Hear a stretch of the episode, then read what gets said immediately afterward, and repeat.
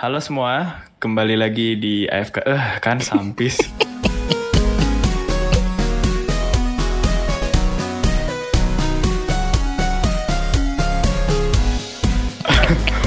Wah, gue star syndrome apa ini nih?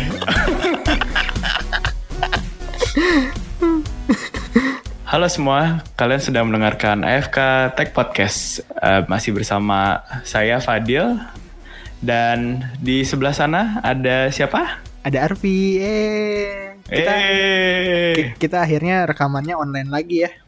iya. Gimana? Gue udah cocok pegang ini OBS, OBS. Iya iya Gua- boleh boleh boleh. boleh. Gue pengen lah sekali-sekali megang mixer gede gitu. Enggak ini bukan mixer gede ini OBS cuman cuman software doang dan knopnya pun cuman dua, cuman suara lu dan suara gua doang. Wah, terus kalau lu iseng knop suaranya bisa dimatiin yang punya gue ya. Oh iya deh iya iya. langsung langsung di mute. Eh, apa kabar nih Del? Tetap yang tetap yang nanya apa kabar gua. gue udah gue udah ini hampir mengucap itu gimana apa kabar baik baik gue abis eh, tadi jalan-jalan gue menempuh 120 km bolak-balik Hmm, Em, ya Ini ya? ada acara di di luar kota ke daerah yang ini ya kasar banget ya. oh ya Oh, Subang. Subang wah Terus kayak Oh, yang denger Kak. apaan sih? kurs kurs Oh gitu. gitu Mm-mm. abis nih suara gue kayaknya kena udara AC Oh, AC mobil. Saya mobil Oh, jadi di ke sana tuh di mobil aja, kita nggak ke mana-mana. Oh di mobil, gue nyampe Subang langsung balik lagi. Wah, mantap. Pulang, Weh. literally pulang pergi ya. Iya, emangnya cuma anak-anak yang lari-larian doang pakai Adidas apa tuh Nike Plus Run, Adidas apa gitu. Oh. Makanya ini Mi Band tapi itunya. Nah, Smart Band, band. Smart Bandnya Mi Band terus pamer pamer rute. Nah, gue sangkutin di spion. Aduh, ya gimana gimana? Lu nggak mau nanya kabar gue? Ini nanya pak, lu sendiri gimana? Lu sendiri gimana? gue lagi sedih nih. Wis, kenapa? Gue lagi sedih. Jadi HP gue jatuh. Yang mana? Yang mana? Yang yang Note 9 Oh, terus? jatuh pas waktu gue tidur enggak enggak pas waktu tidur gue mau tid lagi tidur kan biasa lah seperti ah, ah, layaknya anak-anak zaman sekarang gitu kan Hmm. Ah, sebelum tidur kan nonton Netflix nonton YouTube nonton iFlix nonton Genflix dan segala macamnya lah Ah, terus kan berat ya semua casing yang rada gede juga jatuh ah. terus tempered glassnya retak letaknya lumayan lumayan kelihatan gitu loh Oh. Ya untuk untungnya pakai tempered glass sih, cuman kayak "Ah, anjir berarti bentar lagi kayaknya gue harus ganti gitu. Oh, tempered glass yang mahal itu ya? iya, tempered glass yang nggak mahal sih. Lumayan mahal. Lumayan mahal. Soalnya masih ada yang lebih mahal lagi. Hmm, menarik, menarik. Kayaknya bakal ganti ke situ deh. Waduh. Waduh. Gimana katanya cita-cita ganti handphone seminggu sekali. Deh. amin, amin. Aduh, amin, amin, amin. Cita-cita macam apa itu? Tapi kalau misalnya dirunutin tuh cita-cita gue gak ada yang bener gitu loh. Tapi mungkin itu dicerita di lain kali lah. Eh, Iya, Bu. ya, seperti biasa kita mau bahas berita-berita ya. Yap. Berita-berita yang terjadi seminggu terakhir. Yang kita mulai dari ini ya laptop laptop kita jarang bahas laptop laptopan nih kita bahas laptop juga akhirnya nih.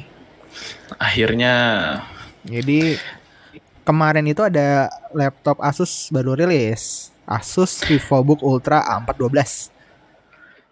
ya eh, coverage-nya lumayan banyak dan Iya. gue kayak pusing sendiri. Ini barang macam apa ini? Nah, dari bahkan kayak apa youtuber-youtuber smartphone gitu banyak juga yang dapat barangnya ya. Iya, Wisnu Kumoro, eh yang jarang nongol juga muncul Droid trending Line. tag. ya Dro- Trending Tech, Droid Lam, Droid Lime, sampai kayak Estek Media juga dapat ya kalau nggak salah. Dapat nggak sih? Harusnya dapet sih. Heeh. Tapi gue nggak ngelihat ada ini loh, nggak ngelihat siapa? Eh Cranky Tech atau Lazy apa dan segala macem. Cranky tag. Tumben. Oh, Iya sih.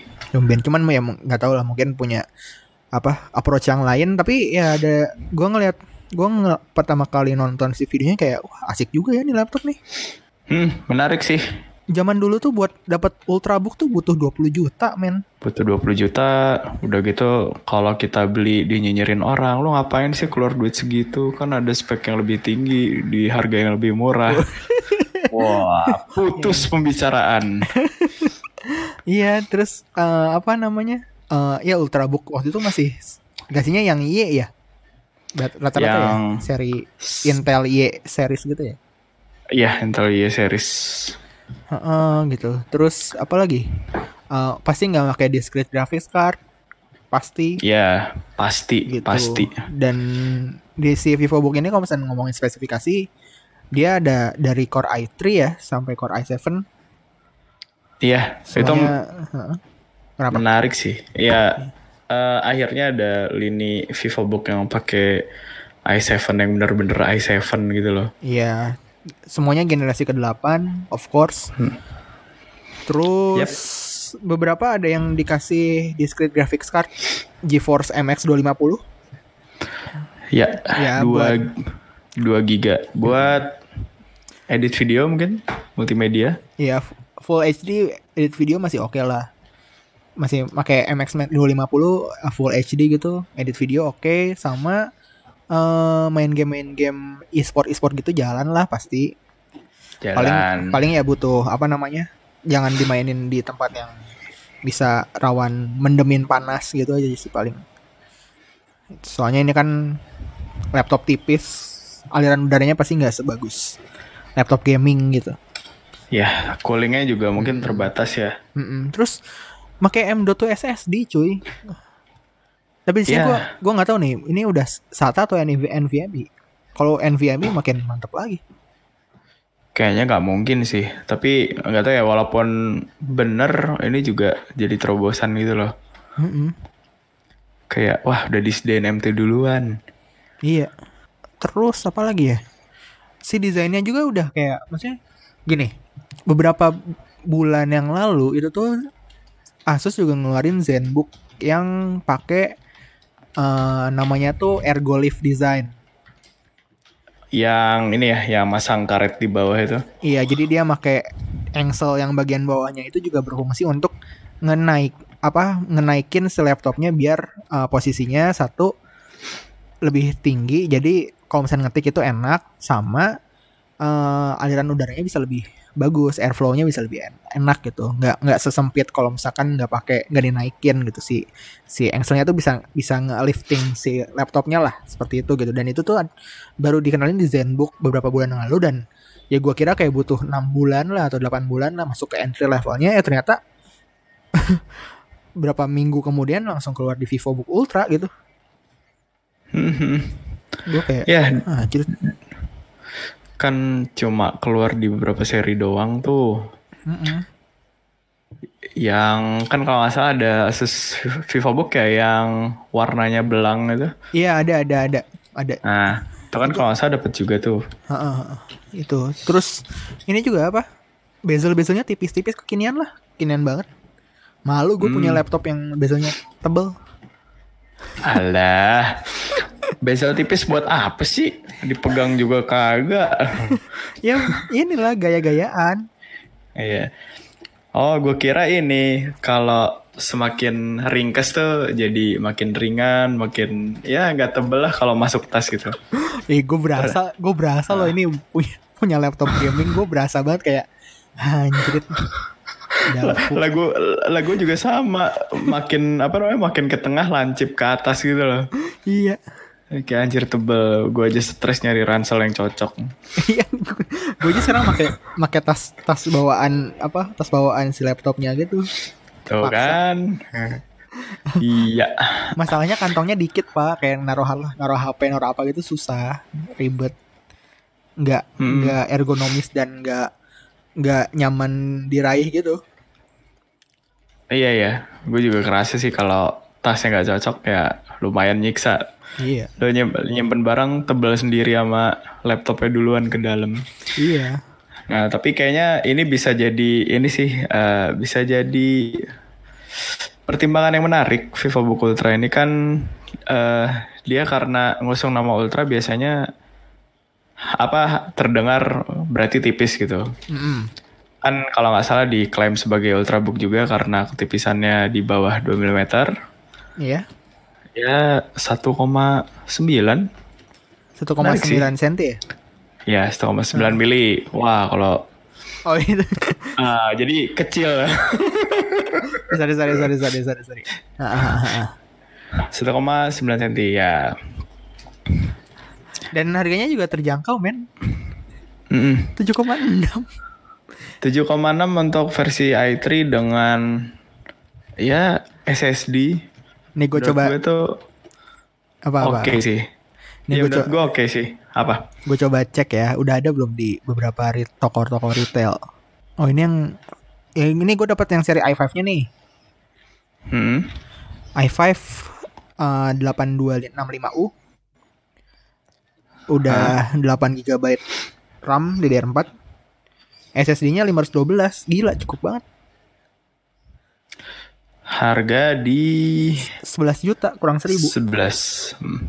11 juta Gue kurang mending 1000. mending pilih itu daripada S14 yang seri apa VivoBook S430N. Heeh. Mirip sih. Fingerprint sensor juga. Yang i3 dibanderol di harga 7,6 ya, 7,6 atau 7549 gue lupa. Eh, intinya 7,6 aja. Terus udah pakai dual band WiFi. Yep. Walaupun sebenarnya orang jarang juga sih ada yang pasang access point tipe apa AC, AC 5 GHz.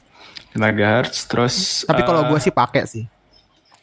iyalah Karena gue orangnya tech banget nih, gue harus pakai se- segala macam yang ini, yang apa, yang baru-baru. Gue nggak mau, baru-baru gue nggak mau pakai teknologi lama. Mm-mm. harus jadi kalau kalau jadi tech influencer eh sorry orang yang ngomongin teknologi harus lebih terdepan ya Oh iyalah jelas. Soalnya gue males gue males ngomongin lo sebagai influencer sorry ya Iya nggak apa-apa. Iya harus harus soalnya eh, kita adalah garda terdepan orang-orang yang ditanyain mengenai teknologi. Jadi ya harus bisa jawab semuanya.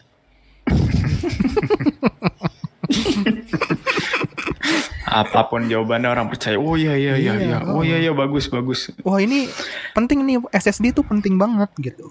Nggak boleh sekarang beli eh, laptop nggak pakai SSD gitu. Gitu kayak gitu kayak gitu. Iya. Ya gitu lah. Hmm, terus yang menarik lagi displaynya 14 inci dengan nano edge ya tipis ya mungkin form factornya atau ukurannya tuh mirip sama ukuran laptop-laptop 13 inci kali ya. Nah, gue Yang juga penasaran sih. Yang gue penasaran tuh gini. Jadi dulu tuh harga misalnya let's say ini kan yang berapa? Ini 7,6 ya, yang i3 ya. Hmm, eh kita flashback ke 6 tahun yang lalu yep. itu nggak mungkin dapat sebagus ini loh. Hmm. Untuk kelas i3 ya. Enggak iya dan dapat maksudnya kayak dapatnya tuh pasti seri A yang tebel. eh, layarnya pasti eh, layarnya tuh nggak anti glare. Kalau misalnya kena sinar matahari mantul. Mantulnya mantul bayangannya mantul ya bukan mantap betul nih. sorry sorry aja nih. Bukan mantap mantul ya. Iya bukan mantap mantul. Eh, terus apa? Ya hard disk gitu kan dikasihnya hard disk RAM mungkin 4 GB Ya dulu SSD masih mahal pak.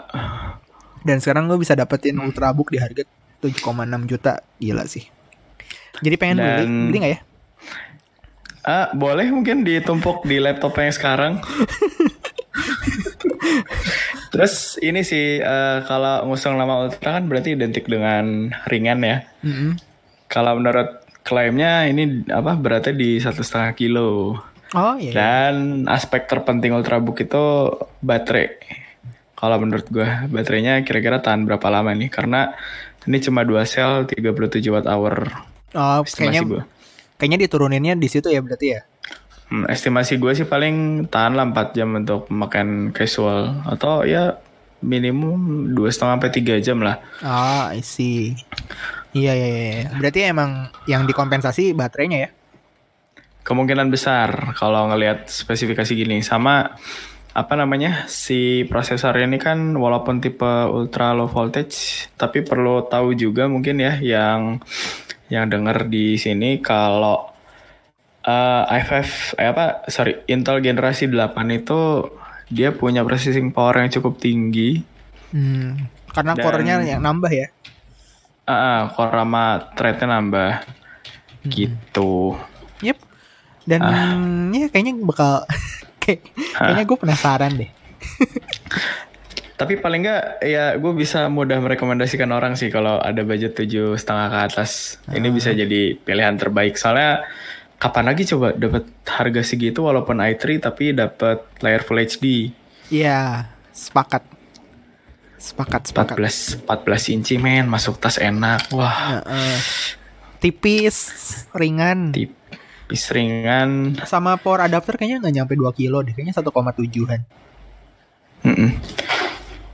Ya, menarik lah ini untuk hmm. dilirik jadi buat temen-temen nih yang mungkin ada yang masih sekolah atau mau adanya mau masuk kuliah atau gimana nyari laptop hmm. ya bisa cobain VivoBook Ultra A412. Cek-cek aja dulu review-review di YouTube udah banyak kok yang bikin. Kon barengan yes. soalnya. soalnya hampir semua influencer nyambung gak nyambung dapat. Ya, Oke, okay. kita next. Ah, next ke... ada apa nih? Berita selanjutnya Sega rilis konsol retro Sega Mini. Kayaknya apa namanya beberapa waktu ke belakang banyak ini ya banyak uh, perusahaan ya industri konsol gitu. Mm -hmm. Banyak keluarin versi klasik yang dibuat lagi itu lumayan banyak sih kayak Nintendo punya uh, Nintendo yang pertama itu yang NES. Mm -hmm. Kemudian Super Nintendo juga dibuat ulang PS1 juga dibuat ulang. Hmm. Sekarang giliran Sega ngerilis Sega Genesis. Nah, mau tau nggak alasannya Pak? Gimana? Kenapa bisa kayak gini? Mau tau nggak? Gimana? Kan yang anak-anak yang bukan anak-anak maksudnya generasi konsol itu kan sekarang kan udah pada kerja ya. Mungkin yeah. udah jadi bos, mungkin udah jadi VP di mana gitu. Mungkin udah jadi hmm. udah jadi orang lah gitu kan. Iya. Yeah. Nah, kan maksudnya kelihatan lah maksudnya yang main game konsol tuh rata-rata ya uh, di usia rentan segitu maksudnya yang yang misalkan yang lebih muda gitu uh, let's say SMA atau kuliah atau SMP gitu mungkin udah beralih ke mobile hmm. gaming gitu game HP yep. gitu kan nah jadi kan rata-rata pasar konsol menurut kesotoyan-sotoyan gua doang nih ya kan dipenuhi hmm. sama ke ya sangkan-angkatan kita tuh lebih tua gitu gitu kan nah yeah. ini adalah cara bagaimana meraup uang dari para para apa namanya bos-bos muda, eksekutif-eksekutif muda, VP-VP di dunia ini uh, selain menjual konsol current gen mereka gitu. Menarik sih. Wah, ini lulusan mana ya orang marketing ya? S3 marketing Harvard kah? kan kalau apa namanya? kalau emang bener gitu ya, kalau emang bener bos yang disasar. Iya kan apa uh, kayak misalnya contoh ini deh kan sekarang kan baru rilis CTR ya. CTR ya. CTR kan dan orang tuh rame di di beberapa di sosial media teman-teman gue gue tuh rame ngebahas tentang CTR ini. Cuman ya yang ramenya di situ-situ aja gitu. Orang yang per, dulu pernah mainin CTR. Hmm. gitu orang yang misalkan yang nggak tahu apa-apa gitu atau nggak dikenalin atau misalkan yang masih bahkan kayak ketemu game konsol pun jarang gitu nggak CTR kayak apaan gitu apa rame apa ramenya balapan balapan uh, apa ngeluarin roket gitu kan? Iya mendingan ini apa main aspal 9 ya. iya uh, kontrolnya cuman swipe swipe doang gitu kan? Mm, ngedrift gampang. Wah nggak seru lah konsol ini gitu. Iya tuh ya kayak gitu mungkin itu kan. Ya yang rame kan uh. mereka mereka ini gitu. Jadi kayak uh, bagi generasi kita ya bu apa kayaknya unsur-unsur nostalgic itu emang kuat banget gitu. Yep. Nggak bisa dipungkiri lagi bahkan kayak kan Sega itu tuh kalau nggak salah tuh salah satu konsol pertama ya yang re- re- apa dijual di Indonesia gitu bareng sama Nintendo NES dulu. Oh iya. Gitu. iya. Jadi uh, kata temen gue nih, Hmm. kalau dulu tuh ada anak Sega sama ada anak NES, anak Nintendo. Wah. Nah, jadi Terus nga- ngapain mereka? ngebedainnya Rap battle? ngebedainnya itu kalau misalkan anak Nintendo kan AB, AB kan, ABX gitu. Hmm. Kalau Sega itu XYZ kalau nggak salah. Ah iya. iya. XYZ. Nah, terus kalau ini, kalau apa? Nintendo itu kalau nggak Hmm. salah ya, gue lupa. Kalau misalnya ketuker, ya mohon maaf nih, soalnya gue juga belum nggak nggak hidup di zaman itu gitu. Cuman ya ada game Mortal Kombat. Bukan Mahkamah Konstitusi ya, Mortal Kombat. Bukan. Apalagi Mario Kart bukan. Bukan. Nah, eh, salah satunya itu darahnya tuh darahnya merah, salah satunya itu darahnya tuh biru. Kalau nggak salah tuh yang biru tuh yang Sega gitu. Oh. Jadi iya. diceng-cengin, ceng-cengin gitu kayak, dih apaan? Dipukul keluarnya keringet gitu.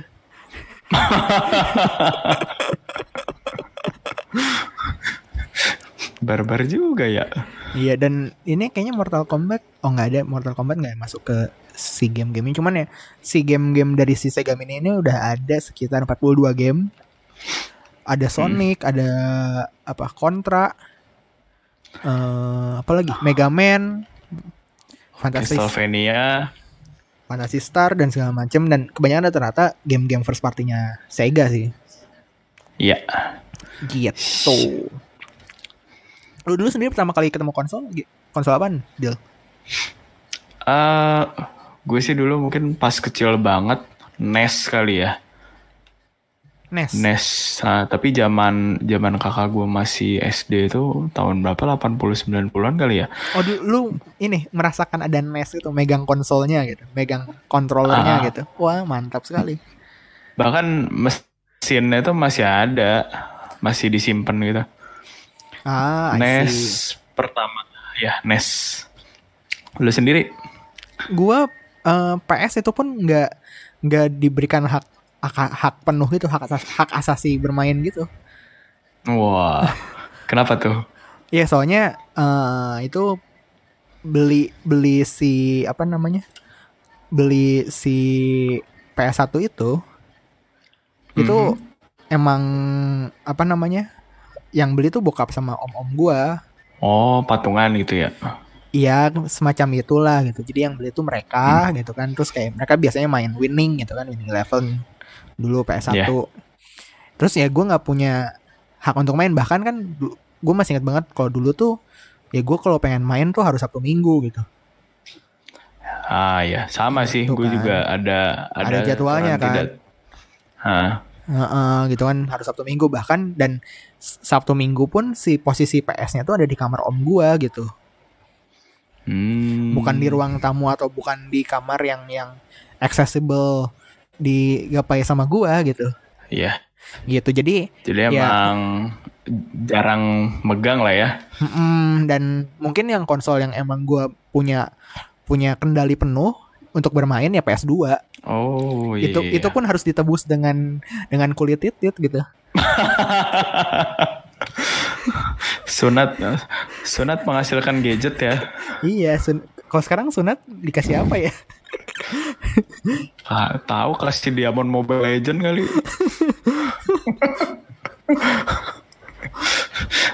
Ayo kamu ini nggak boleh nangis ter dikasih Diamond Mobile Legend sama langganan jadi member sebulan tapi. Iya, itu dulu PS2 pun harus ditebus dengan kulit titit gitu. kok, kok gue kesal sendiri lo ngomong begitu ya. Eh, eh gue kan ngomong emang apa adanya. Apa adanya. Masa Iya, iya, bilangnya iya. kulit sunat kan sunat kan prosesnya. Iya sih. Iya kan? Iya Oh, dong. Gitu jadi iya dan dong. dan ya apa si konsol yang gua ini kangen sih PS2 dan itu tuh gue pertama kali main tuh main game Onimusa 3 Hmm, yang ini yang di Prancis ya. iya yang di Prancis dan lu tahu nggak jadi kan kan sebelum disunat kan ada perjanjian dulu kan maksudnya kayak Oh. oke nih gue bersedia nih disunat nih tapi apa eh, timbal baliknya apa nih gitu kan insentifnya buat gue apa nih gitu kan terus kayak Yes. ntar ini PS2 gitu terus gue tuh ya dulu gue nggak punya konsol tapi gue sering beli ge- majalah Game Station dan Hot Game Hmm, iya, Jadi iya. kalau zaman sekarang tuh kayak nggak punya konsol tapi sering nonton YouTube lah. Jadi kayak masuk lah masuk. jadi kayak tahu gitu main gamenya gimana dan segala macam ada game apa dan segala macam ngikutin perkembangannya cuman gue nggak nggak nggak sempat main. Nah Hmm. itu tuh ada ada satu ma, edisi si Game Station itu dia punya walkthrough si Onimusa 3 Oh. sebelum sebelum ada perjanjian PS2 itu gue tuh baca si walkthroughnya serasa gue lagi main gitu loh oh, Iya sih. sini, oh, lewat sini, lewat sini, lewat sini, lewat sini, lewat sini, sampai tamat nih pas waktu udah punya PS2 game pertama yang gue mainin Onimusa 3 dan itu gue langsung tamatin Oh. kayak langsung tiba-tiba iya. hafal gitu loh kayak tut tut tut tut, tut, tut. oh lewat sini lewat sini lewat sini lewat sini lewat sini sampai kayak misalnya kayak ada pintu nih Hmm. ada pintu itu sebenarnya kita harus ngecek ngecek files files yang ada item-item yang ada gitu yang misalnya kayak ya kayak game-game zaman dulu lah kita harus ngecek dokumen-dokumen yang tersebar gitu kan buat tahu si eh, kode pintunya tuh apa gitu Ah, iya. nah gue tuh langsung kayak oh ini mah 314 tek tek tek langsung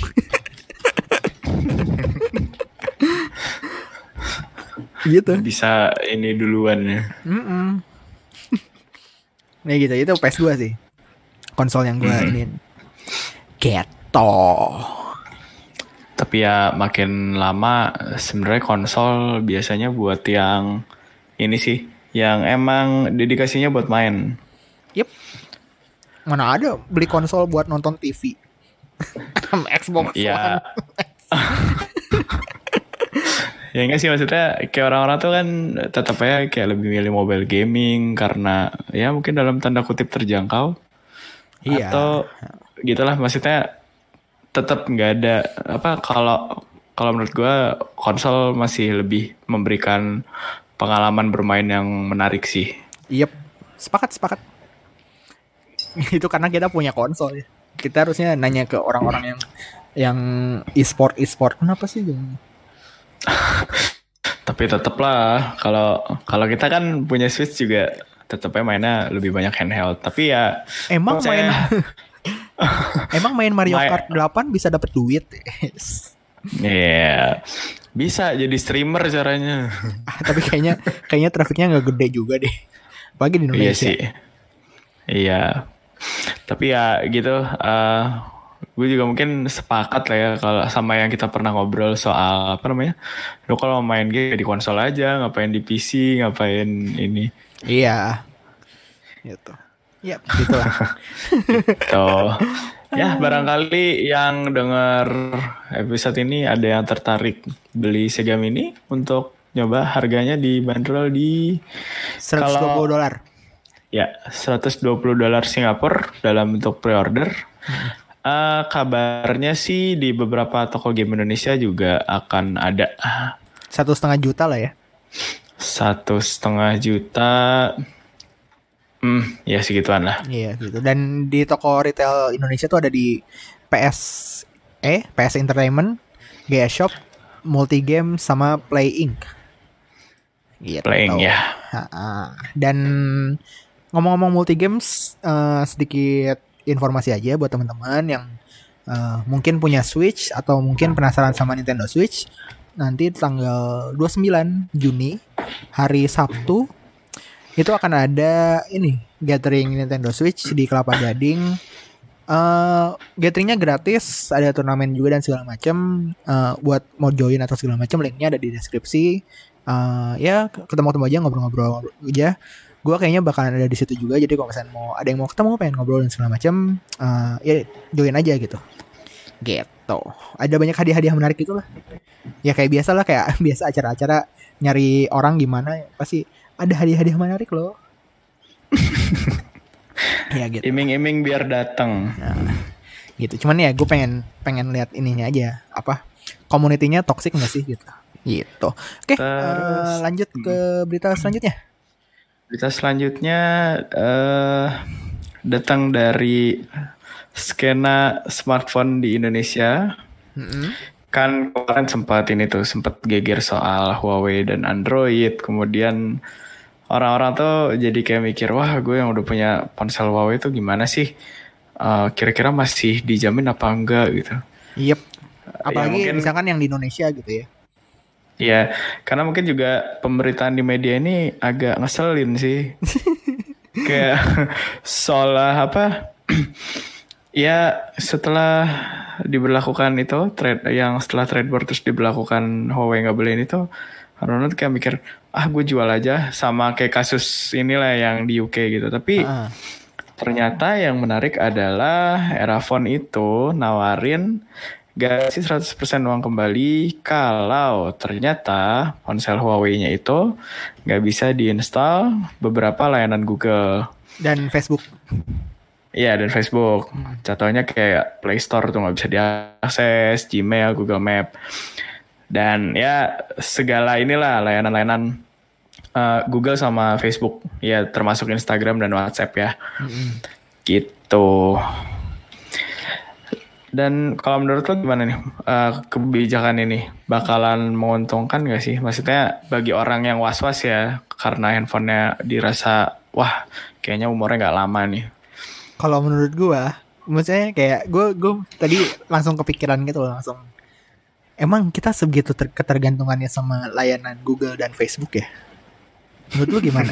kalau gua, kalau gua, kalau gua ya Hmm. karena mungkin karena gue juga punya iPhone gitu ya. Jadi kalau misalkan layanan Google nggak bisa ya gue sih nggak masalah gitu kalau misalkan di wow apa nggak nggak ada layanan Google sama sekali gue sih nggak masalah gitu bahkan kayak Facebook nggak ada pun gue sih nggak masalah gitu Iya. kalau gua ya kalau gue nih karena eh ya apa ya platform itu nggak harus dimonopoli gitu kalau misalkan ada satu yang nggak bisa ya kita bisa migrasi ke, ke yang lain. Enaknya Android kan lu punya opsi untuk eh se fleksibel itu gitu. Lu nggak nggak nggak harus terikat ke satu doang. Walaupun memang secara tidak langsung device-device yang kita punya kan udah di pre-installed uh, Google, Play Google. Service, udah di pre-install Facebook dan segala macam. Jadi kan secara ter- terasa lebih memudahkan gitu. Sedangkan uh, tapi ya opsi-opsi alternatif tuh tetap ada gitu, ada di sana di luar sana dan maksudnya kayak uh, kalaupun yang saat apa namanya, kalaupun yang satu nggak bisa dipakai, ya lu bisa migrasi ke tempat yang lain gitu. Maksudnya kayak ekosistemnya Microsoft pun nggak nggak sebegitu jeleknya gitu Hmm. kayak Outlook dan segala macamnya gue sih suka gue bahkan eh beralih ke buat apa namanya reminder atau buat scheduler tes tes itu tugas-tugas gitu gue langsung beralih ke Microsoft Task to do gitu sih. Jadi kayak biar sinkronisasi dari HP ke laptop aja biar gampang. Itu jadi ya kalau misalnya menurut gue sih apakah kita seter, keter, segitunya ketergantungan dengan lain-lain itu atau gimana gitu? Menurut gue sih dari lu gimana Eh, gua gua pribadi sebenarnya bukan orang yang sen ya mungkin kalau pakai layanan Google nggak seberapa banyak sih. Dan bukan tipikal orang yang seneng eh, lama-lama di smartphone. Jadi kalau menurut gue yang kayak modelan di luar layanan Google tuh kayak Facebook, Instagram, WhatsApp tuh ya nggak seberapa penting. Mungkin WhatsApp masih penting karena eh, ada ya grup untuk kerja gitu untuk Heeh, chat tapi- sama orang kerja. tapi bisa pindah ke platform lain kan? Ya, gue lebih prefer kalau bisa pindah ya ke Telegram gitu. Heeh, gitu. Maksudnya apa? Jangan kita tuh juga jangan jangan terpaku sama satu platform. Maksudnya kayak kalau misalnya satu platform nggak ada merasa kayak udah the end is near kiamat terjadi gitu. Gimana ya? Sebenarnya kalau dari aplikasi yang disebut nih kayak misalkan Play Store, Gmail, Google Map, galeri Google kan, Chrome, eh galeri Google ini maksudnya Google Photos ya. iya Chrome kemudian YouTube, ya semua ada gantinya sih kalau menurut gue. Mm-mm. Ya gini paling kalau Play Store eh, bisa diganti sama F-Droid. Ntar gue cerita sedikit deh tentang Iya. F-Droid ini. Gue gue punya cerita menarik sih. Kemudian Gmail ya tadi bisa diganti sama Outlook, Google Map bisa diganti sama Mapbox atau OpenStreetMap. Ya. Here Map Nggak. juga bisa kan Here Map juga bisa, galeri Google ganti sama Flickr mungkin. Iya. atau situs nyimpen foto lainnya kemudian Chrome bisa ganti sama Firefox Wede. Eh, jangan jangan UC browser ya jangan UC browser Uh, UY browser nggak ada yang bikin nih UY. Uye oh. gambarnya gambarnya warna hijau Terus, terus kalau kalau YouTube nggak bisa ya tinggal cari browser modern aja buka di browser gitu ah iya, exactly. Confident. Nah. itu nah gue coba bahas sedikit deh tentang apa F-Droid Eh, jadi F-Droid ini bisa dibilang modelan bukan Play Store apa ya kayak sekumpulan software yang dibuat eh, dalam apa dalam lisensi open source jadi bentuknya mirip sama Play Store gitu. Kita bisa cari aplikasi sesuai dengan kategori. Cuma dia tanpa ada ikatan dengan Google langsung. Mm-mm. jadi ada yang orang independen bikin sendiri taruh di situ, ada yang memang apa si company-nya yang ngeluarin di situ. Dan lain-lain gitu. Nah jadi gini, eh gue di Mozilla tuh waktu itu pernah nemu obrolan. Kan kebetulan kita kayak punya grup besar dan orangnya tuh datang dari berbagai negara kan. Ada yang menarik perhatian gue, jadi Sebentar, sebentar, ngomongan sebentar, tuh- sebentar. Pasti nama grupnya Big Family Mozilla Firefox gitu ya. Wah. Ada Big, Big Family. Farms. Big Farms. Big Farm. Oh. Enggak lah. Enggak ya? Itu kayaknya kayaknya ini deh, kayaknya grup-grup SMP SMA kayaknya tuh. Oke oke lanjut lanjut lanjut. eh si apa namanya? Si grup di grup ini tuh ada yang ngomong gini. Kira-kira ada orang yang bisa ini nggak ya bantu saya cariin alternatif software yang biasa saya pakai kayak misalkan Gmail, terus ya misalkan browser tuh bisa diganti lah sama Firefox karena kan emang kita semua pada pakai itu maksudnya sebagai primary anggapannya kan gitu. Terus eh, apalagi ya Google Maps kayak gitu-gitu lah nyari alternatif aplikasi yang di luar Google karena dia tuh tinggal di Eropa. Eh, lu masih ingat kebijakan soal GDPR gak sih? Iya ya, tahu tahu tahu tahu. Nah, jadi eh saya ingat gue tuh Gue di tahu-tahu Eropa aja. memperpanjang silaturahmi ya, Pak? oh iya, setuju bang, setuju bang. Besok-besok mah kayak "Hmm, apaan sih? Ya apa tuh? Apa tuh jadi GDPR Gitu. apa tuh? GDPR Gerakan tuh dangdut gerak pria dangdut. rapopo apa sih? Oh, apa sih? Eh, GDPR tuh kayak kebijakan data eh ke- ya kebijakan privasi gitu di Europe. Eh, ada data protection, DP-nya tuh kalau nggak salah data protection, artinya regulation atau apa gitu. G-nya gerakan Ada- tapi tapi Eh, gerakan Jadi- data protection regulation gitu.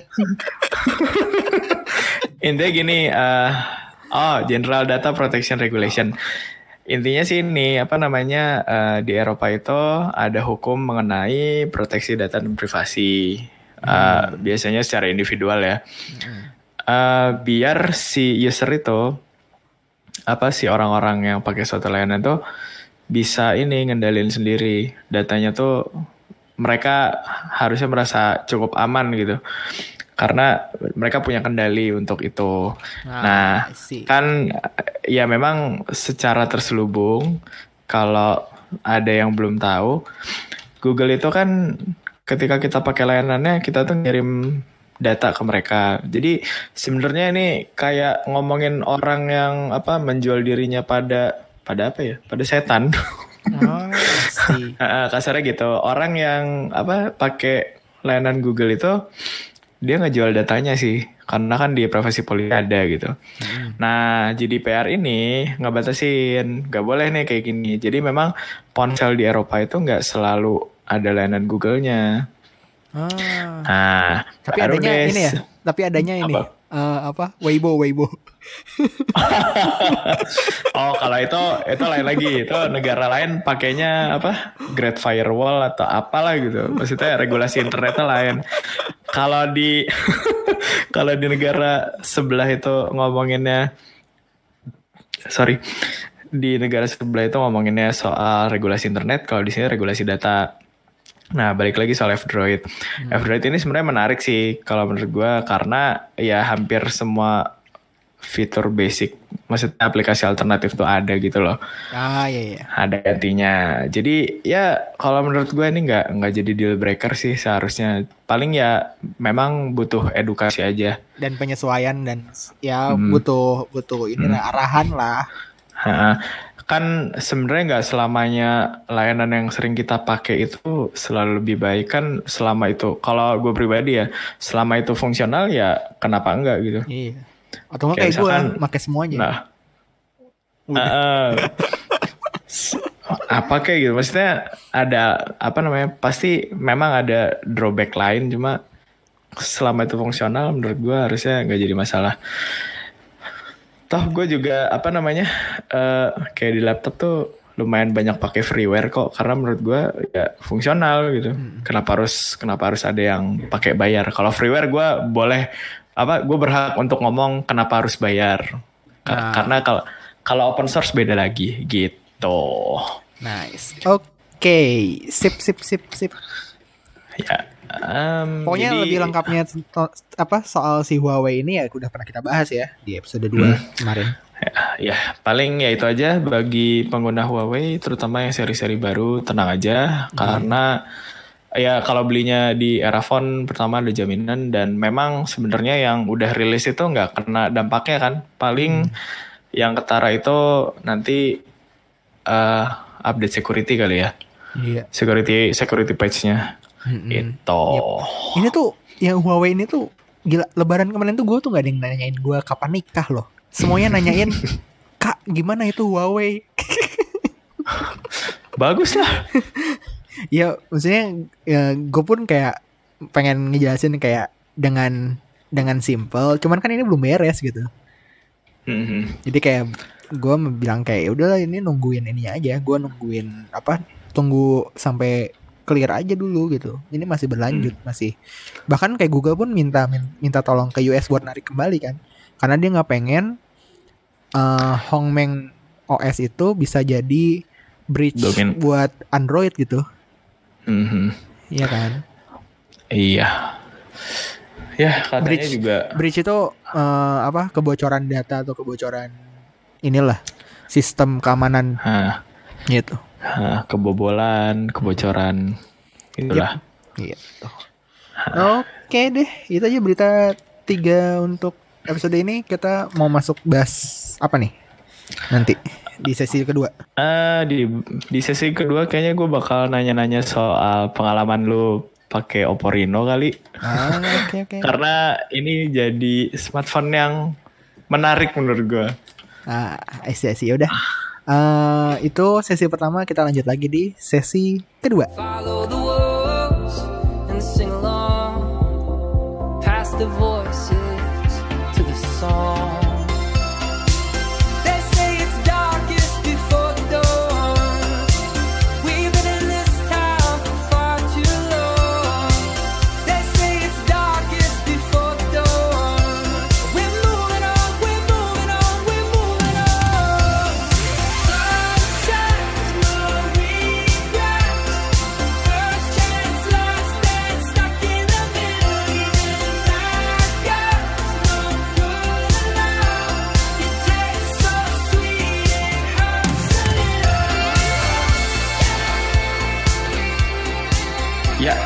lanjut lagi di sesi kedua.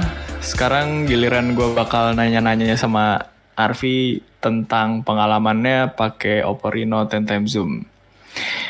Oke, jadi sebelumnya eh, Oppo Reno rilis di tanggal 17 Juni kemarin dan ya mengundang beberapa influencer fotografi dan banyak inilah banyak banyak hal yang menarik sih. Jadi gue penasaran juga pengen nanya gitu. Lo kebagian megang yang 10 time zoom ya? Iya, gue lamanya yang 10 time zoom. Hmm, Oke. Menurut lo gimana first impression? Ah, pertama kan unboxing ya.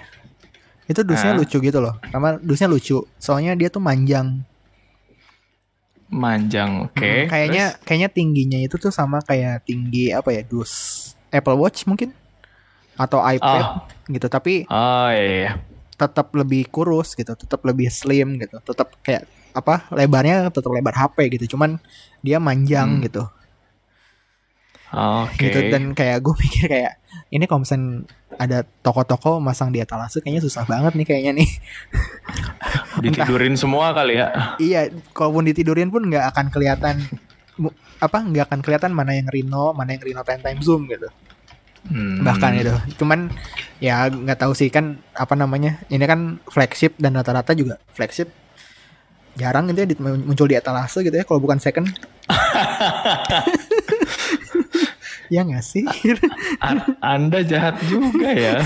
ya nggak sih ya kan ya, yang jadi kayak tiap tiap lo ini apa ngelewat ke ya toko-toko besar jualan handphone tuh Hmm. Xiaomi-nya Roxy, kakak Heeh, Roxy gitu gak sih? Iya gitu Nah, kayak maksudnya diliatin. ambasador ambas tuh kayak eh, lo ngelewat kayak eh, ya kak mau jual ininya apa jual handphonenya gini gini gini terus pas ngelirik sebelah kan wah anjir jualnya ini apa jualnya yang flagship semua iya ya walaupun walaupun kita nggak tahu sih itu barang mana gitu barang Iya. resmi apa ini Iya, tapi ya kan itu itu sad truth gitu maksudnya kayak gue Ah. gue jarang aja ngeliat ada yang dus apa misalkan contoh hmm, Huawei gitu P30 gitu dan segala macam gitu ada dipajang banyak gitu. Pa- pasti rata-rata eh, kalau flagship ya second kalau misalkan nggak yang baru ya Vivo Oppo gitu Eh, Xiaomi gitu kan Asus gitu. Yang mid range mid range gitu. Iya itu de, apa deretan yang apa brand ter, apa familiar familiar di Iya, yang mainstream telinga lah, ini. mainstream, mainstream, Mainstream. yang mid range, mid range gitu lah pasti banyak. Itu sih itu dusnya asik, experience unboxingnya en menyenangkan, eh ya mirip-mirip pas waktu kayak buka Note 9 gitu. Maksudnya kayak boxnya rapi, solid, nyaman, peletakan ininya juga menyenangkan. Bagaimana dia meletakkan si kabelnya, si uh, headsetnya, si chargernya gitu kan, buku manual dan segala macamnya asik.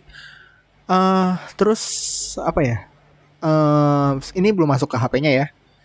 Hmm. Si case bawaannya juga udah cukup solid, dia keras, nggak nggak letoy.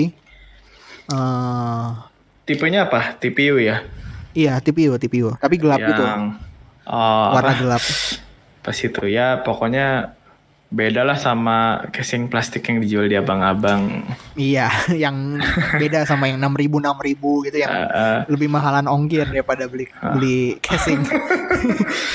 yang ada embel-embel anti crack tuh. iya, yang ujung-ujungnya tuh ada tambahan lagi gitu. Heeh. Ada ini kayak kayak bantalan buat main biliar itu. Heeh. Ya gitu itu menyenangkan sih. Hmm. Terus eh, ya itu eh, menyenangkan sih pas waktu unboxing dan segala macamnya. Gue suka. Gue ini mera gue ngerasain kok ini tuh emang eh, flagship gitu. Ah, itu berarti udah termasuk pas lo pegang gitu ya. Iya iya. Mm. Oke. Hmm, terus ada ini gak sih maksudnya kalau dari sisi build quality deh. Ah oke. Build quality gue ngerasa ini cukup berat. Tapi beratnya bukan dalam berat dalam arti nyusahin ya. Tapi kokoh Hmm. gitu loh, solid. Enggak enggak krempeng. Maksudnya kayak Note 9 gue kalau nggak pakai casing nih ringan banget gitu. Oh, oke oke. Kalau ini tuh kayak gue nggak pakai casing pun udah kayak solid gitu, udah kayak hmm gripnya mantep gitu, hmm gitu. Terus sambil itu ngomong sambil ngepalin tangan ya.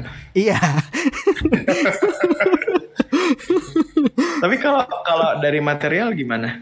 Material dia kaca tapi kacanya tuh yang dilapisin lagi gitu, jadi kayak enggak. Oh. Dia mirip dia mirip kayak di R17 Pro, cuman Hmm, kalau di R17 Pro itu dia lebih ngedoff, nggak mantul, nggak glossy. hmm. Sedangkan kalau yang ini ada glossy glossinya juga gitu. Tetap ada Oh. ada apa reflektif reflektif reflektif reflektifnya juga, cuman nggak nggak selicin eh, HP-HP yang belakangnya kaca pada umumnya.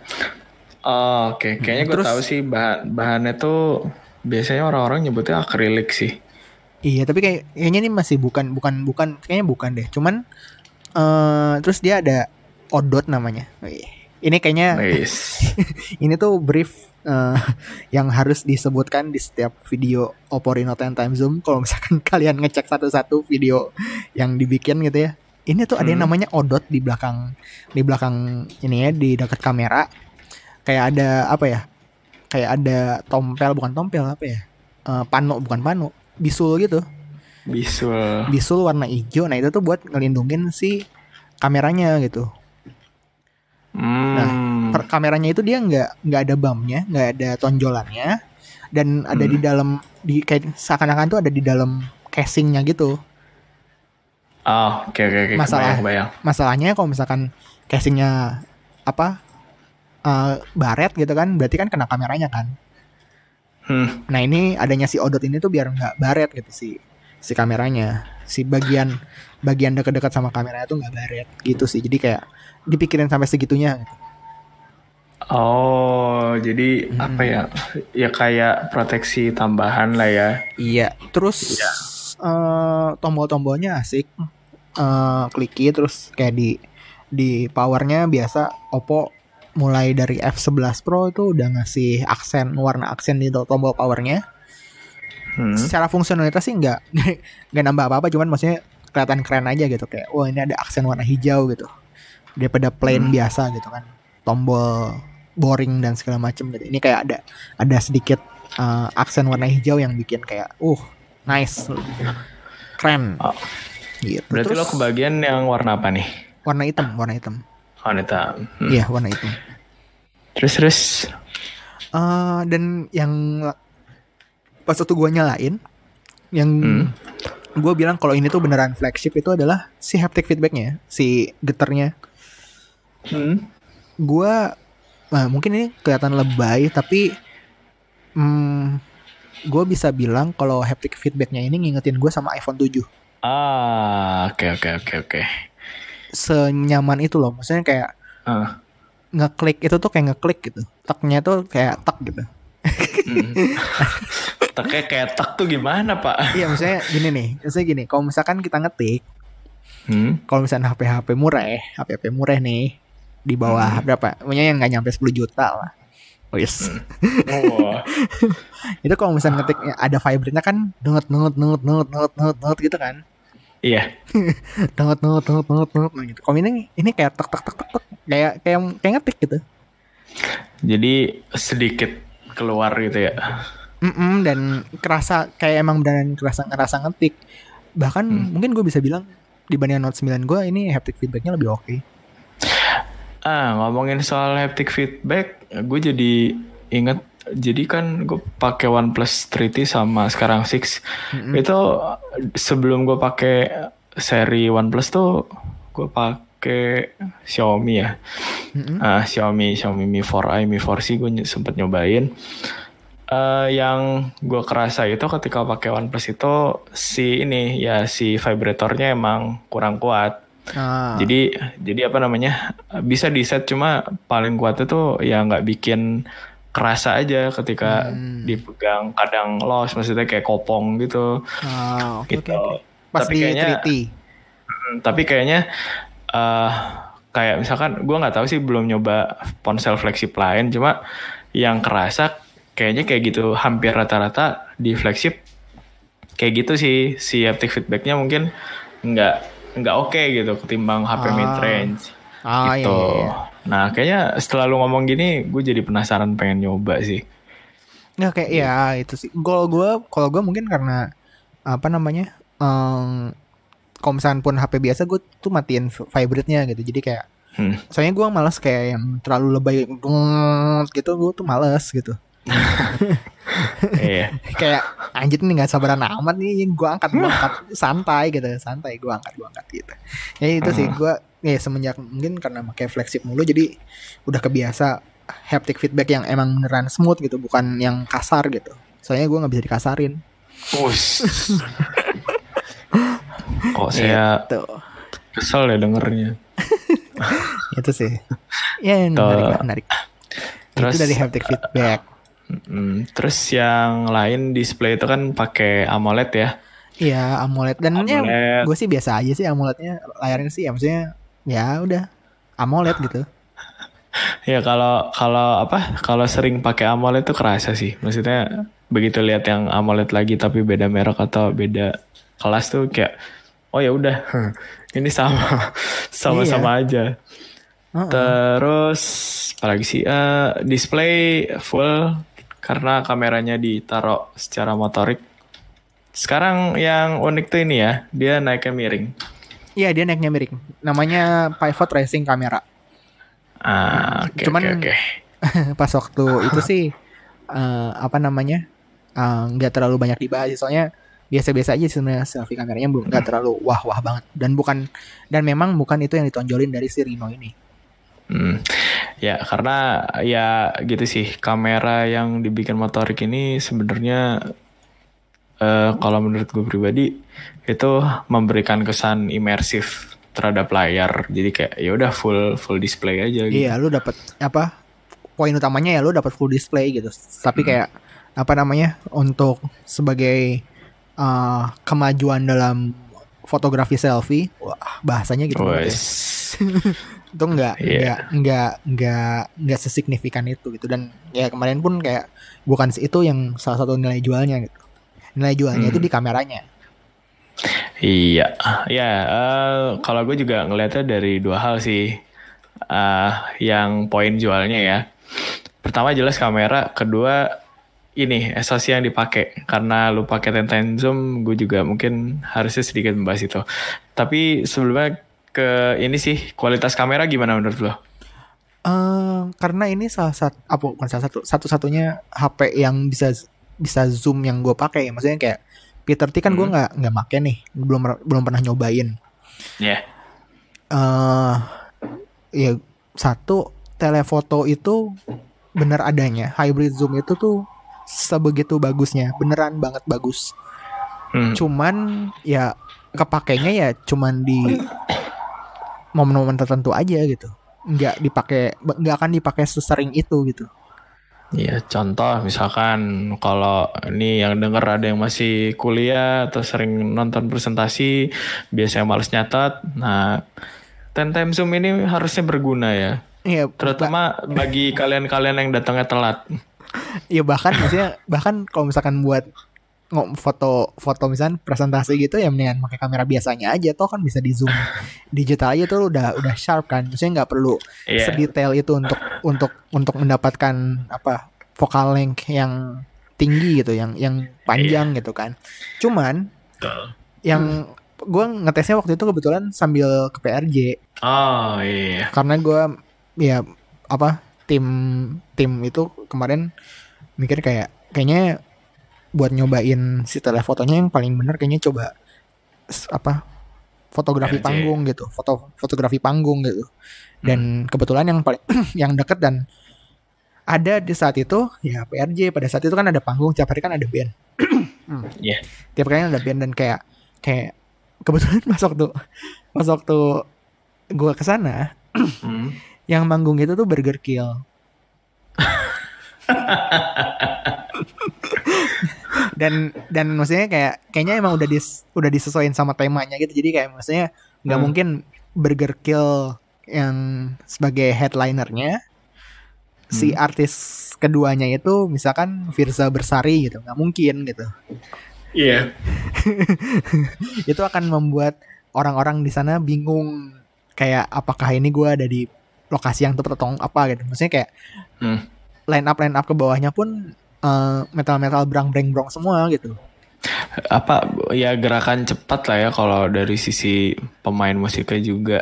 iya gitu maksudnya yang emang, emang satu satu genre gitu jadi kayak apa Hmm. namanya Eh, nah kebetulan gue pakai 10 time zoom Hmm. jadi gue kalau mau pas foto moto kan gue tinggal pakai zoomnya kan jadi Iya. nggak nggak ada di lingkaran nggak ada di mosh pit atau nggak ada di tempat-tempat moshing dan apa circle pit circle pit gitu gitu Iya, karena kalau lu di moshpit juga handphonenya hilang, Pak. iya makanya dan pas waktu itu ya ke- kerasanya tuh di situ gitu kayak kalau misalkan Hmm. ada kerusuhan di depan gitu tapi gue pengen moto sumber kerusuhannya gue bisa dari jauh gitu enaknya sih itu Hmm. Ya, jadi daripada merela, melerai dan apa misahin mending ini ya, mending difoto dulu ya. iya Karena gini sih eh, yang menarik itu kan mereka bilangnya sebagai full focal si coveragenya itu dari 16 sampai 160 mm. Iya. Kemudian telephoto lensnya disebut sebagai periskop juga. Mm-mm. Dan ya itu cukup bikin penasaran sih. Yang Kayak gimana? yang mungkin ini eh, apa kele- kelewat buat diliput sama beberapa influencer atau bahkan media. Hmm. Si kamera telefotonya itu tuh eh, dia eh, kemampuannya tuh lima kali zoom. Oh, oke. Sebenarnya lima kali zoom. Tapi preset yang disediakan di software itu tuh enam Yeah. kali zoom. Oh. Jadi 6 kali zoom itu tuh udah termasuk hybrid zoom gabungan antara si telefotonya sama si eh apa kamera utamanya gitu yang 48 megapiksel gitu. Soalnya gue yakin kalau misalkan cuman ngandelin si telefotonya aja, menurut gue gambarnya nggak sebagus kalau digabungin gitu. Itu ada pengaruh sama resolusi sih kayaknya kalau yang gue tangkap ya kalau misalkan emang ternyata dia hybrid. Ya awalnya ngomong 5 kali zoom terus jadi 6 kayaknya ada perubahan di resolusi juga sih. Iya, eh, kan Gitu. di spesifikasi tulisnya kan 13 megapiksel kan. Tapi hasilnya itu 12 megapiksel. Ah, result iya. akhirnya tuh 12 megapiksel. Tapi ya misalnya ini ntar ada yang denger kayak wah ini berarti bohong dong bang ini. Berarti jelek segala macam gitu. Enggak gitu. Itu itu tuh emang kompensasi untuk ngehandle biar si gambarnya tuh tetap fokus tetap tajam tetap uh, bisa bisa diandalkan di segala kondisi aja gitu. Itu dan maksudnya 12 Iya. megapiksel mah ya udah itu masih masih cukup banget buat dipakai di posisi sosial media gitu. Itu bukan sesuatu sesuatu Iya. yang minor gitu. Mau lo ngupload ini apa foto ukuran 48 megapiksel lebih dari 10 mega. Kan ogah pasti bilangnya rip kuota rip kuota. Ya gitu sih. Jadi apaan dah ya? eh, fotonya menarik fotonya menarik. Eh sayangnya sih ini apa eh buat videonya belum bisa pakai kamera yang tele sama ultra wide nya sih tapi ya kemungkinan bisa lah ya kalau via update software. Iyalah harusnya gitu Nah, terus em, yang menarik lagi itu dia pakai aperture apa bukan itu di f1,7 kemudian sensornya 2 inci satu banding 2 inci. Setengah setengah inci. Atau setengah setengah inci ya. Oh iya sorry. Salah baca. Kemudian em, ya dan beberapa fitur gimmick dari Oppo sih oh ultra Eh. night boost eh ultra night Ah, bezel color ultra. sama artistic portrait itu ya Ya, kayak gitu. Multi frame banyak lah. Tapi gue percaya sih. Maksudnya eh, ini kayaknya bukan ponsel sembarang untuk sisi kameranya. iya Gitu. sepakat sepakat gue ini kok apa salut sama hasilnya Nah, menarik. terus kalau selfie-nya sendiri ad- Hmm. ada yang wah nggak sih? B aja sih, B aja sih. B aja. Maksudnya kayak ya udah emang emang rata-rata uh, hasilnya tuh kayak pasti kayak gini semua gitu. nggak ada sesuatu yang bisa yang bikin signifikansi yang mendalam atau detail gitu loh. Kan siapa tahu makin mahal eh, biaya pengembangan software lebih tinggi, terus si portretnya jadi lebih keren. Mm, Bisa sih. aja. Enggak sih. Enggak. Oke, em, terus apa lagi? Oh, ini sih yang jadi ini. Kalau oke sekarang kita selesai sama kamera ya. Heeh. Jadi eh, hybrid zoom, kemudian ada telefotonya, ada odot, pelindung kamera karena tidak ada BAM. Apalagi ya? Ya itu dan beberapa fitur gimmick khas Oppo. Dan selanjutnya gue pengen nanya soal ini sih. Kan ini jadi digadang kalau kita tuh bilangnya kemarin sebagai ponsel pertama yang resmi dan make Snapdragon 855. Yap, benar. Menurut lo gimana? Iya, 855 nggak bohong sih. It's real 855 gitu. Maksudnya eh, kalau misalnya kita apa balik bentar dulu ke kamera, kok menurut gua kalau misalnya nggak pakai 855 nggak mungkin bisa ngerekam- apa ngerekam 4K 60 fps gitu loh. Hmm, sama resolusi tinggi di foto, kemudian Iya. gue yakin itu pasti pemrosesannya cepat sih. Iya, iya bener dan maksudnya Oh, iya. kayak apa? Menurut gua mungkin kayak hasil-hasil dari si ini kebanyak banget di- terbantu sama si 855 ini. Jadi kalau ngomongin soal shutter juga bukan bukan masalah apa si SoC-nya canggih sih, tapi kan Iya. ada aspek lain di ya si Snapdragon 855 ini kan pasti punya ISP processing yang- lebih oke. Nah, Iya, bener. ISP yang lebih oke. Iya bener. Dan Gitu. kayak ngambil foto portrait itu tuh apa instan gitu loh. Ceklek. Hmm, langsung langsung. Nggak maksudnya nggak nunggu apa dan segala macam gitu. Itu ya kerasanya di situ. Performa ya ya apa namanya lu nggak akan nemuin like yang ngeganggu lah. Ya, 855 segimana segimana ininya lah ya eh, apa fungsinya sebagai kamera apalagi Iya. kan ini juga dipakainya kayaknya untuk segmen eh fotografi itu juga harusnya menarik sih yang gue bingung Gitu. kan ini kan konfigurasinya kan RAM 8 GB storage-nya Hmm. 256 GB ya Eh, kalau Reno yang biasa itu 6 GB storage 256 juga. Hmm. Tapi si Reno 10 Time Zoom ada micro SD card slot hmm. Yang, Reno biasa nggak ada. Kayak lah di mana-mana yang varian tertinggi biasanya nggak punya eksternal memori gitu. tapi ini nggak sih eh iya walaupun kita ngomong internal gede gitu ya. Gue kayaknya berpikiran si micro SD slot ini dipakai untuk ini sih. Untuk mindahin ya fotografi katakan. Misalkan 4K 60 fps tuh sekali bikin berapa berapa mega coba gitu. Ya, mm, Hmm, kayaknya itu masuk akal sih. Terus micro SD juga up to 256 mm, mm. Jadi kayak misalnya kayak menarik kalau menurut gue kayak lucu aja misalnya kayak lucu aja. Ini kok tumben Ah. sih? Biasanya nggak biasanya fleksif fleksif gitu nggak. Bahkan ngeditch ngeditch si apa micro SD card slot gitu biasanya. Sedangkan kayak ini yang seri yang seri paling tertingginya dipakai seri yang terendahnya enggak gitu. Menurut gue sih menyenangkan Oh. kayak gue seneng ada Oppo Reno ini terutama yang 10 time zoom di pasar Hmm. Indonesia kenapa soalnya ya biar flagship rame lah gitu jangan Samsung lagi Samsung lagi Iya dan orang tuh udah ketebak gitu loh kayak dari segi harga gitu itu udah tahu. Oh ini yang gue penasaran soal fog flash charge oh Fug, itu gimana? Hah? Hmm, Fognya pakai fog biasa kan? Fug 3.0 Fug, Fug biasa bukan yang super Fug kayak di Oppo F11 Oppo F11 Pro 80 menit. Hmm. Eh, ininya apa? Klaimnya 80 menit. Eh, cuman ya pada pengujiannya sih bisa lebih cepat daripada itu gitu. Mhm. kayak berapa? Eh 75 sekian lah Nayamul sekali. Nayamul. Oke, gue pikir ya itu sih poin apa eh, poin-poin penting dari Oppo Reno ya. Maksudnya yang emang jadi nilai jual gitu. Selain kamera tuh ya spesifikasinya juga gue ngeliat menarik sih.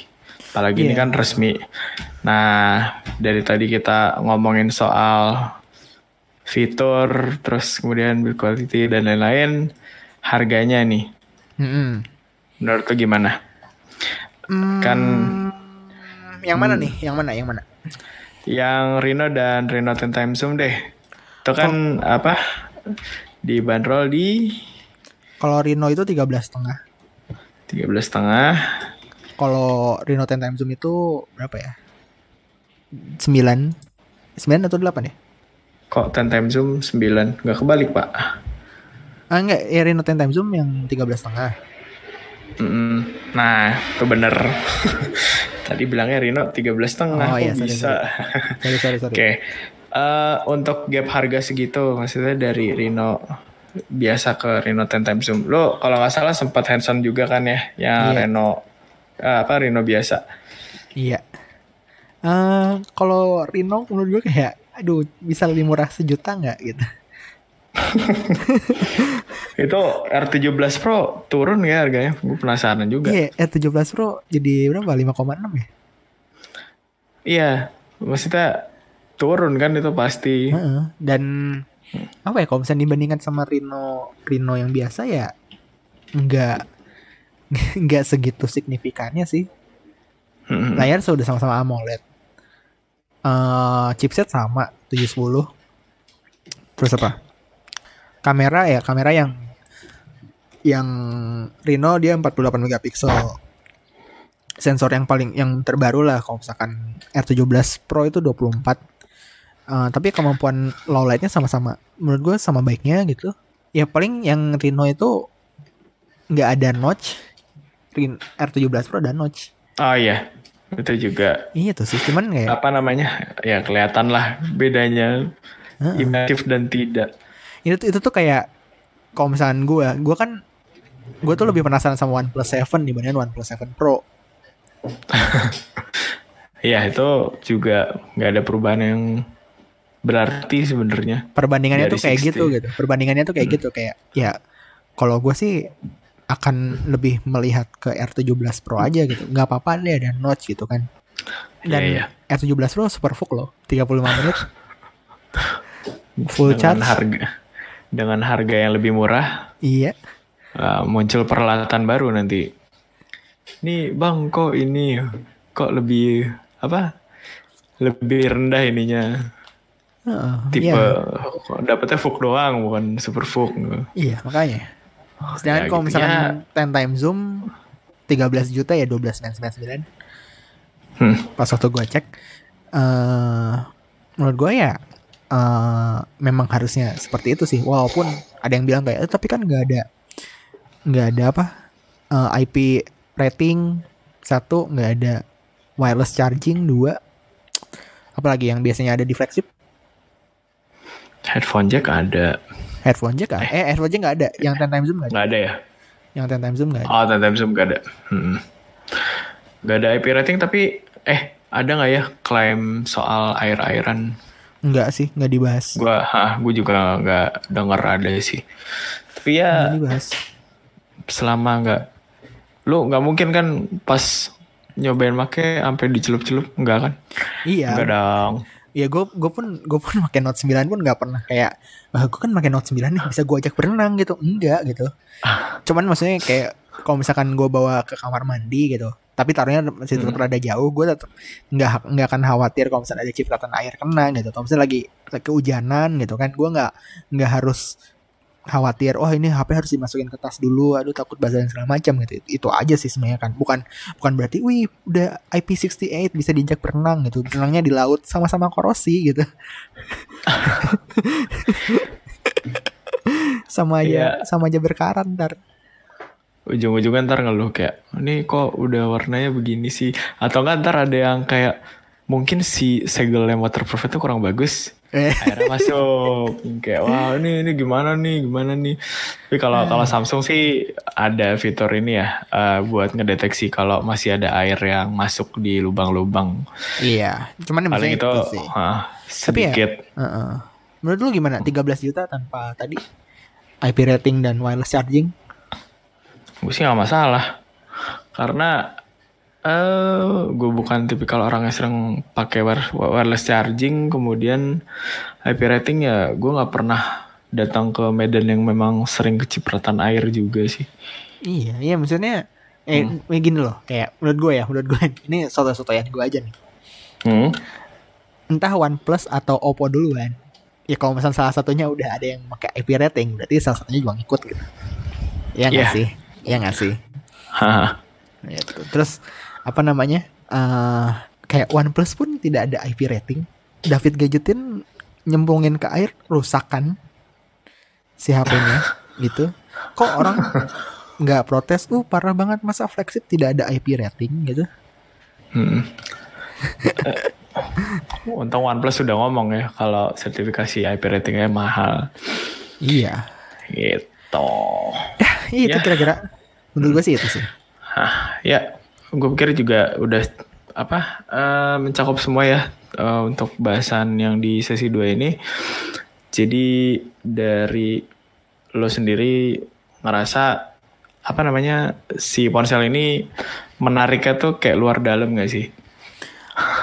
Mas, luar dalam kotak ya maksudnya ya. Eh, ini eh, maksud eh, kalau dari gue adalah kalau misalkan pengen beli flagship coba pertimbangin lah. Hmm. Coba masukin ini ke salah satu bucket list atau misalkan apa comparison list dan segala macam. Lu lebih perlu yang mana gitu kan maksudnya ada yang bisa ngecas dia bisa sebagai apa reverse wireless charging tapi apakah lu mau meng, apa membuang-buang baterai untuk ngecas HP temen yang wireless charging atau untuk buang-buang baterai untuk ngecas Galaxy Watch lu atau earbuds lu gitu dibandingkan bah, apa baterai HP sendiri gitu? Kayak hmm, gitu sih. Saya kayak asik untuk dijadikan pertimbangan tapi eh patut diperhitungkan juga mengenai lu re- rencananya ini bakal dijual lagi nggak gitu? Kan beberapa smartphone Oppo gitu kan kadang-kadang suka drop gitu kan Ya. si maksudnya kayak let's say ya yang yang tadi kita bahas aja deh R17 Pro sekarang udah berapa? 6 jutaan? 6 6 juta kurang kan? Iya. dan ya itu bisa bisa seperti itu gitu dalam kurun waktu sekitar enam bulan gitu. Ya, eh, balik lagi sih paling ke perilaku belinya aja kayak lu dalam setahun kira-kira kalau beli yang flagship model gini tuh eh, ada kemungkinan ganti apa enggak? Karena kita nggak bisa nyalahin ini dong, nggak bisa nyalahin soal perkembangan teknologi. Yep gitu dan tapi kalau misalkan lu punya pekerjaan sebagai admin lambe turah gitu ya ini Nah, ini harus ini salah satu yang dipertimbangkan lah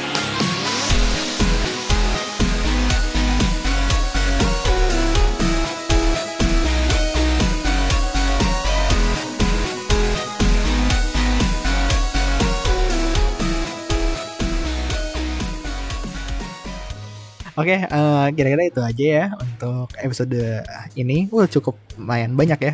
Eh, kalau misalkan kalian em, pengen dengerin episode-episode sebelumnya ya dengerin aja gitu. Maksudnya walaupun beritanya udah lama tapi kita membawakannya masih tetap dengan dengan apa dengan halu-halu seperti ini gitu kan dengan santai-santai seperti ini bisa kalian track back episode lama bisa didengerin di Spotify di Google Podcast sama di Anchor oh ya follow juga Instagram AFK Indo at AFK Indo sudah ada kontennya kemungkinan besar akan ya sehari sekali itu pasang instastory lah komentar-komentar berita-berita gitu yang yang singkat padat dan jelas gitulah atau Iya. apa pun gitu yang masih mengenai internet gadget dan tech ya udah kalau Oh. kayak gitu eh, gua Arfi AFK dulu Gue Fadil AFK juga.